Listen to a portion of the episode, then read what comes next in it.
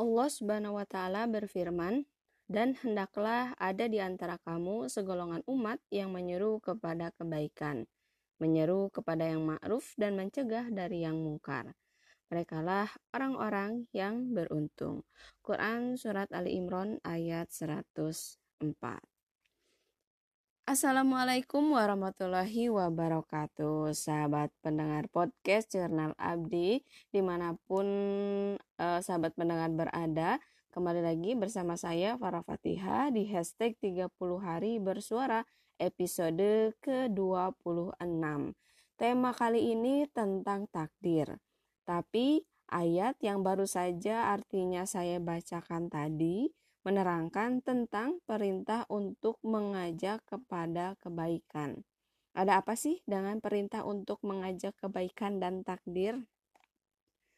Dalam pokok-pokok ilmu tauhid jilid pertama yang ditulis oleh Ustadz Aceng Zakaria di penerbit Ibn Azka ya, Ibn Azka Press dikatakan bahwa ayat tersebut menerangkan bahwa manusia itu wajib berusaha untuk mengajak ke jalan yang benar dan tidak e, berpangku tangan dengan alasan biarlah karena jika Allah menakdirkan gitu ya. Jika menakdirkan kita menjadi orang baik pasti kita akan jadi orang baik gitu. Demikian pula e, banyak perintah lain dalam agama yang harus diusahakan oleh manusia gitu ya. Seperti perintah taubat atau perintah tolong menolong nah itu kan adalah perintah yang harus gitu ya kita usahakan. Perintah yang harus kita coba aja kita hmm, ingati gitu ya kepada uh, saudara-saudara kita Hal ini menunjukkan bahwa manusia diperintahkan untuk berikhtiar atau berusaha untuk mencari kebutuhan hidupnya dan berusaha untuk menghindari apa-apa yang akan mencelakakan dirinya. Nah, takdir itu dalam kamus besar bahasa Indonesia memiliki arti nasib ya, nasib juga. Ada sebuah hadis yang diriwayatkan oleh Muslim yang artinya dari Umar bin Khattab radhiyallahu an berkata, "Maka kabarkanlah kepadaku tentang iman." Nabi menjawab, "Hendaklah engkau beriman kepada Allah, malaikatnya, kitab-kitabnya, rasul-rasulnya, dan hari akhir, dan hendaklah engkau beriman kepada takdir yang baik atau yang buruk." Telah diriwayatkan pula oleh Muslim dalam sebuah hadis dari Abdullah radhiyallahu an ia berkata telah menceritakan kepada kami Rasulullah Shallallahu alaihi wasallam dan beliau itu orang yang jujur dan dipercaya. Sesungguhnya salah seorang di antara kalian dikumpulkan penciptaannya dalam perut ibunya selama 40 hari. Kemudian jadi segumpal darah selama 40 hari juga kemudian jadi segumpal daging selama 40 hari juga. Kemudian diutuslah malaikat, maka ditiupkanlah ruh kepadanya dan diperintahkan untuk mencatatkan empat kalimat, yaitu untuk mencatat rizkinya, ajalnya, amalnya, celaka atau bahagianya. Maka demi zat yang tiada Tuhan selainnya, sesungguhnya salah seorang di antara kalian pasti akan beramal dengan amalan penghuni surga sehingga tidak ada jarak antaranya dan antara dan antara surga itu kecuali hanya satu hasta saja. Maka ketentuan atau suratan takdir mendahuluinya sehingga ia beramal dengan amalan ahli neraka. Maka ia masuk neraka dan sesungguhnya salah seorang di antara kalian pasti akan beramal dengan amalan ahli neraka. Sehingga tidak ada jarak antaranya dan antara neraka itu kecuali hanya satu hasta saja. Maka ketentuan suratan takdir mendahuluinya sehingga ia beramal dengan amalan penghuni surga, maka ia masuk surga.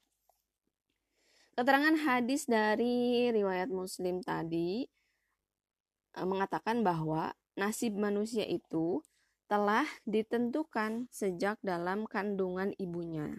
Tetapi ini tidak berarti manusia eh, jangan berusaha gitu ya dengan alasan untuk apa berusaha gitu. Eh, seperti sholat gitu ya, buat apa sholat, buat apa haji. Kalau sudah ditentukan dari sananya, kalau kita itu sebagai ahli neraka misalnya, tetapi tetap saja uh, kalau misalnya kita penghuni neraka kalau misalnya kita ditetapkan menjadi penghuni neraka ya udah aja gitu ya uh, kita akan masuk neraka walaupun kita telah sholat atau ibadah haji gitu. Nah ini adalah sebuah pemikiran yang keliru. Memang ya nasib seseorang itu sudah ditentukan dari sananya gitu ya tapi siapa yang tahu nasib dirinya bahwa ia calon ahli surga atau calon ahli neraka kan kita tidak tahu ya oleh karena itu, setiap orang tetap saja wajib mengamalkan perintah agama. Dan Allah pun berjanji akan membalas orang yang beriman dan beramal soleh dengan surga. Nah, ini kata kuncinya. Allah akan membalas orang yang beriman dan beramal soleh dengan surga. Sedangkan orang kafir dan durhaka itu dengan neraka. Nah, maka ada sebuah hadis yang menerangkan bahwa jangan salah mensikapi iman kepada kodar. Seperti hadis riwayat Muslim dari Ali radhiyallahu an uh, yang berkata pada suatu hari Rasulullah wasallam sedang duduk Rasulullah Shallallahu alaihi wasallam sedang duduk dan di tangannya ada sepotong ranting yang beliau garis-gariskan pada tanah. Dengan ranting itu, maka beliau mengangkat kepala lalu bersabda, Tidak seorang jiwa pun di antara kalian melainkan sungguh telah diketahui tempatnya di surga atau di neraka.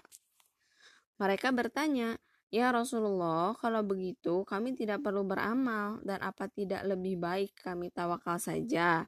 Rasulullah menjawab, Tidak, Beramallah kalian, maka setiap seorang telah dimudahkan untuk apa ia diciptakan.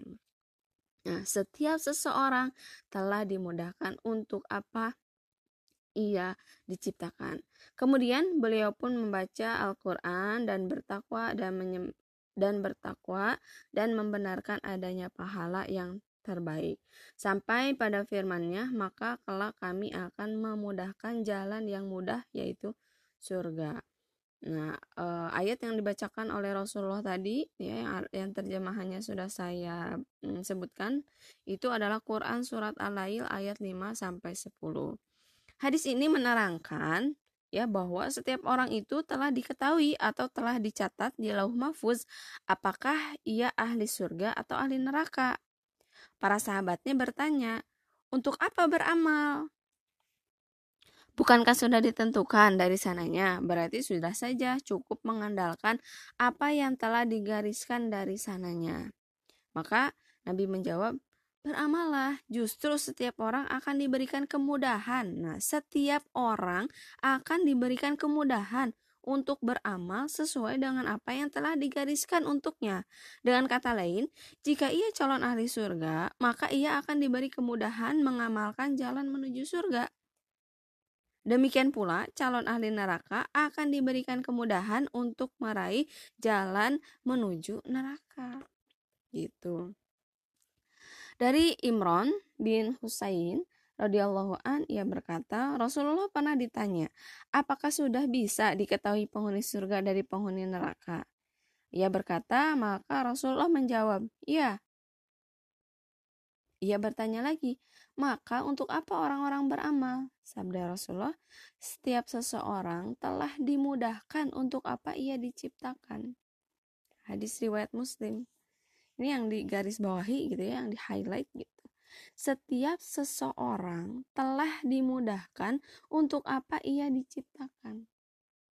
Jadi Allah itu pada dasarnya memberikan kemudahan untuk kita. Tak ada beban ada tak ada beban tanpa pundak gitu ya. Apa pun yang uh, Allah ciptakan untuk kita ya akan Allah mudahkan penciptaan itu untuk kita gitu ya. Kemudian dari Sahal bin Sa'ad Asyadiyah radhiyallahu an sesungguhnya Rasulullah Shallallahu alaihi wasallam bersabda Sesungguhnya seseorang beramal dengan amalan penghuni surga menurut apa yang tampak atau terlihat oleh pandangan manusia padahal dia itu penghuni neraka. Dan sesungguhnya seseorang beramal dengan amalan penghuni neraka menurut apa yang tampak atau terlihat oleh pandangan manusia padahal dia itu penghuni surga. Hadis riwayat Muslim ada gitu ya orang yang menjudge wah ini mah ahli surga gitu. Padahal sebetulnya bisa jadi gitu ya boleh jadi dia itu penghuni neraka. Atau ada juga orang yang wah ini mah perbuatannya kayak gini mah ahli nar gitu. Eh padahal kata Allah dia itu adalah penghuni surga. Kemudian dari Abdullah bin Umar bin Al-Ash radhiyallahu an berkata sesungguhnya jika uh, sesungguhnya ia mendengar Rasulullah Shallallahu Alaihi Wasallam bersabda, sesungguhnya semua hati bani Adam berada di antara dua jari dari jari-jari Allah bagaikan sebuah hati. Allah akan menggerakkannya bagaimana menurut kehendaknya. Kemudian Rasulullah berdoa, Ya Allah yang menggerakkan semua hati, gerakanlah hati kami untuk selalu menaatimu. Allahumma musarrifal qulubi sarrif qulubana ala ta'atika. Ya Allah yang menggerakkan semua hati, gerakanlah hati kami untuk selalu menaatimu. Rasulullah pun berdoa demikian gitu ya. Rasulullah berdoa bahwa uh, Allah yang maha menggerakkan hati ini kita pinta gitu ya Rasulullah minta agar menggerakkan hati kita untuk selalu menaati Allah karena pada pada mulanya mungkin ya gitu manusia juga ada manusia yang membangkang atau bermaksiat kepada Allah dengan cara tidak menaati apa-apa yang diperintahkan oleh Allah gitu ya. Dari Abdullah bin Umar radhiyallahu an berkata, Rasulullah Shallallahu alaihi wasallam bersabda, segala sesuatu telah ditetapkan dengan suatu ketetapan. Malahan, kelemahan dan keterampilan pun atau oh, keterampilan dan kelemahan pun sudah Allah tetapkan. Jadi dalam hadis riwayat Muslim dari Abdullah bin Umar artinya begini, Rasulullah bersabda segala sesuatu telah ditetapkan dengan suatu ketetapan, malahan kelemahan dan keterampilan pun atau keterampilan dan kelemahan pun. Dalam hadis ini dijelaskan bahwa kelemahan dan keterampilan atau keterampilan dan kelemahan itu telah ditetapkan oleh Allah maka jangan menyalahkan misalnya, "Dah saya mah turunannya begini." Salahin aja orang tua saya, tidak. Kelemahan, keterampilan atau sebaliknya itu telah ditetapkan oleh Allah. Maka segala hal yang terjadi kepada kita, takdir yang di yang Allah tetapkan untuk kita, nasib yang Allah uh, tetapkan untuk kita, kita hanya diminta oleh Rasulullah agar selalu berdoa, Allahumma musarrifal qulub sarrif qulubana ala ta'atika. Apa pun yang terjadi, mintalah agar kita selalu taat kepadanya, taat kepada ketentuan Allah. Jika ketentuan Allah katakanlah misalnya memberatkan diri kita, maka tugas kita yang lainnya adalah bersabar, berikhtiar, berupaya lebih baik lagi. Kemudian apa menerima dulu gitu ya menerima, tidak menyalahkan Allah, tidak suudon pada Allah, tapi terima saja lalu kemudian taatilah Allah sebagai sesuatu bahwa itu adalah ketetapan yang memang Allah gariskan untuk kita dan sudah pasti gitu ya apa yang ditetapkan Allah untuk hambanya itu adalah yang terbaik. Versi siapa? Versi Allah lah gitu. Dan kita pun harus meyakini bahwa setiap episode kehidupan, versi baik atau buruk itu adalah versi yang terbaik dari Allah untuk kita sebagai hambanya gitu ya. Ketika e, jalan kita sukar, mungkin itulah mungkin itu adalah cara Allah memudahkan jalan kita agar terhindar dari jalan yang keliru. Itu ya yang perlu digarisbawahi. Boleh jadi eh, takdir buruk itu adalah cara Allah mempermudah kita untuk menuju ke jalan yang lebih baik gitu. Allah menghindarkan kita dari sesuatu yang tidak memudahkan kita untuk masuk ke surganya Allah. Nah, mungkin sekian hmm, tema kali ini tentang takdir. Semoga hmm, sahabat pendengar eh, bisa mengambil hikmah, ibroh atau pelajaran dari episode kali ini. Episode kali ini saya ambil tadi ya sudah dibaca, sudah di apa sudah dibacakan bahwa ini adalah uh, dari buku karangan Ustadz Aceng Zakaria yaitu pokok-pokok ilmu tauhid jilid pertama halaman 216 Mohon maaf atas segala kekurangannya. Jika memang tadi penjelasannya ada yang keliru atau yang lainnya, silakan perbaiki. Silakan kasih kritik dan sarannya eh, kepada saya gitu ya. Lalu kemudian tidak akan panjang kalam lagi, ditutup saja dengan hamdalah alhamdulillahirabbil alamin. Assalamualaikum warahmatullahi wabarakatuh. Hidup untuk berbuat, berbuat untuk bermanfaat.